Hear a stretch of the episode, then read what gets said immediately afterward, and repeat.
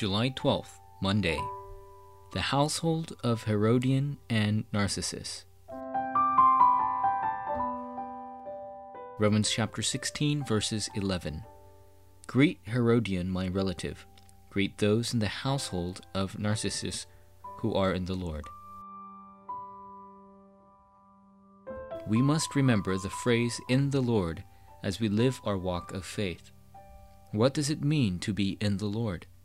Unbelievers look as though they are living a good life, but they later face big problems because the Lord over people who have not received salvation is Satan. However, those who are in the Lord have been saved from their destiny entirely because Jesus has become their Lord.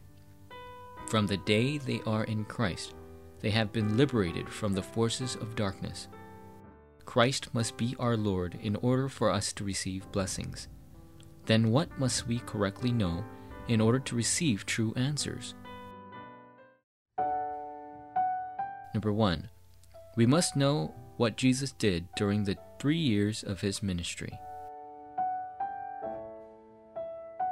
Jesus spoke about being the Christ throughout his ministry of three years. Christ solved all sins and curses of mankind by being crucified upon the cross. He opened the way to meet with God and destroyed the work of the devil. Why must it be only Jesus? It is because man cannot solve the problem of Genesis chapter 3. If you hold on to this covenant, you will receive unimaginable blessings. Herodion is in the household of the evil King Herod. The secretary of Claudius Caesar is Narcissus. He became a disciple. You begin to receive new answers as child of God when the gospel of Christ enters inside of you. Number two, we must hold on to the word that Jesus gave to us after the resurrection.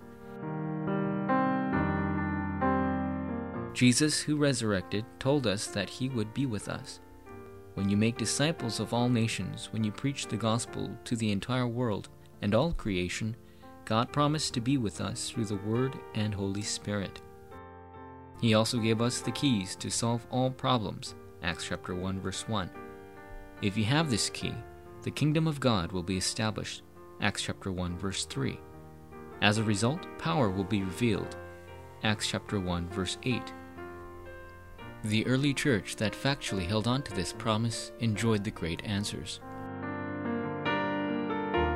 Number 3. We can also enjoy this blessing. We will absolutely receive blessings only if we are in Christ, not only upon us as individuals, but also upon our family, family line, and all meetings. In Christ we receive all of God's blessings. The Lord who resurrected promised this blessing and is fulfilling it even now.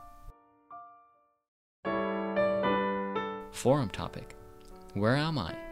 If you are in the Lord, then you will receive the blessing of salvation. Start a new day in the Lord.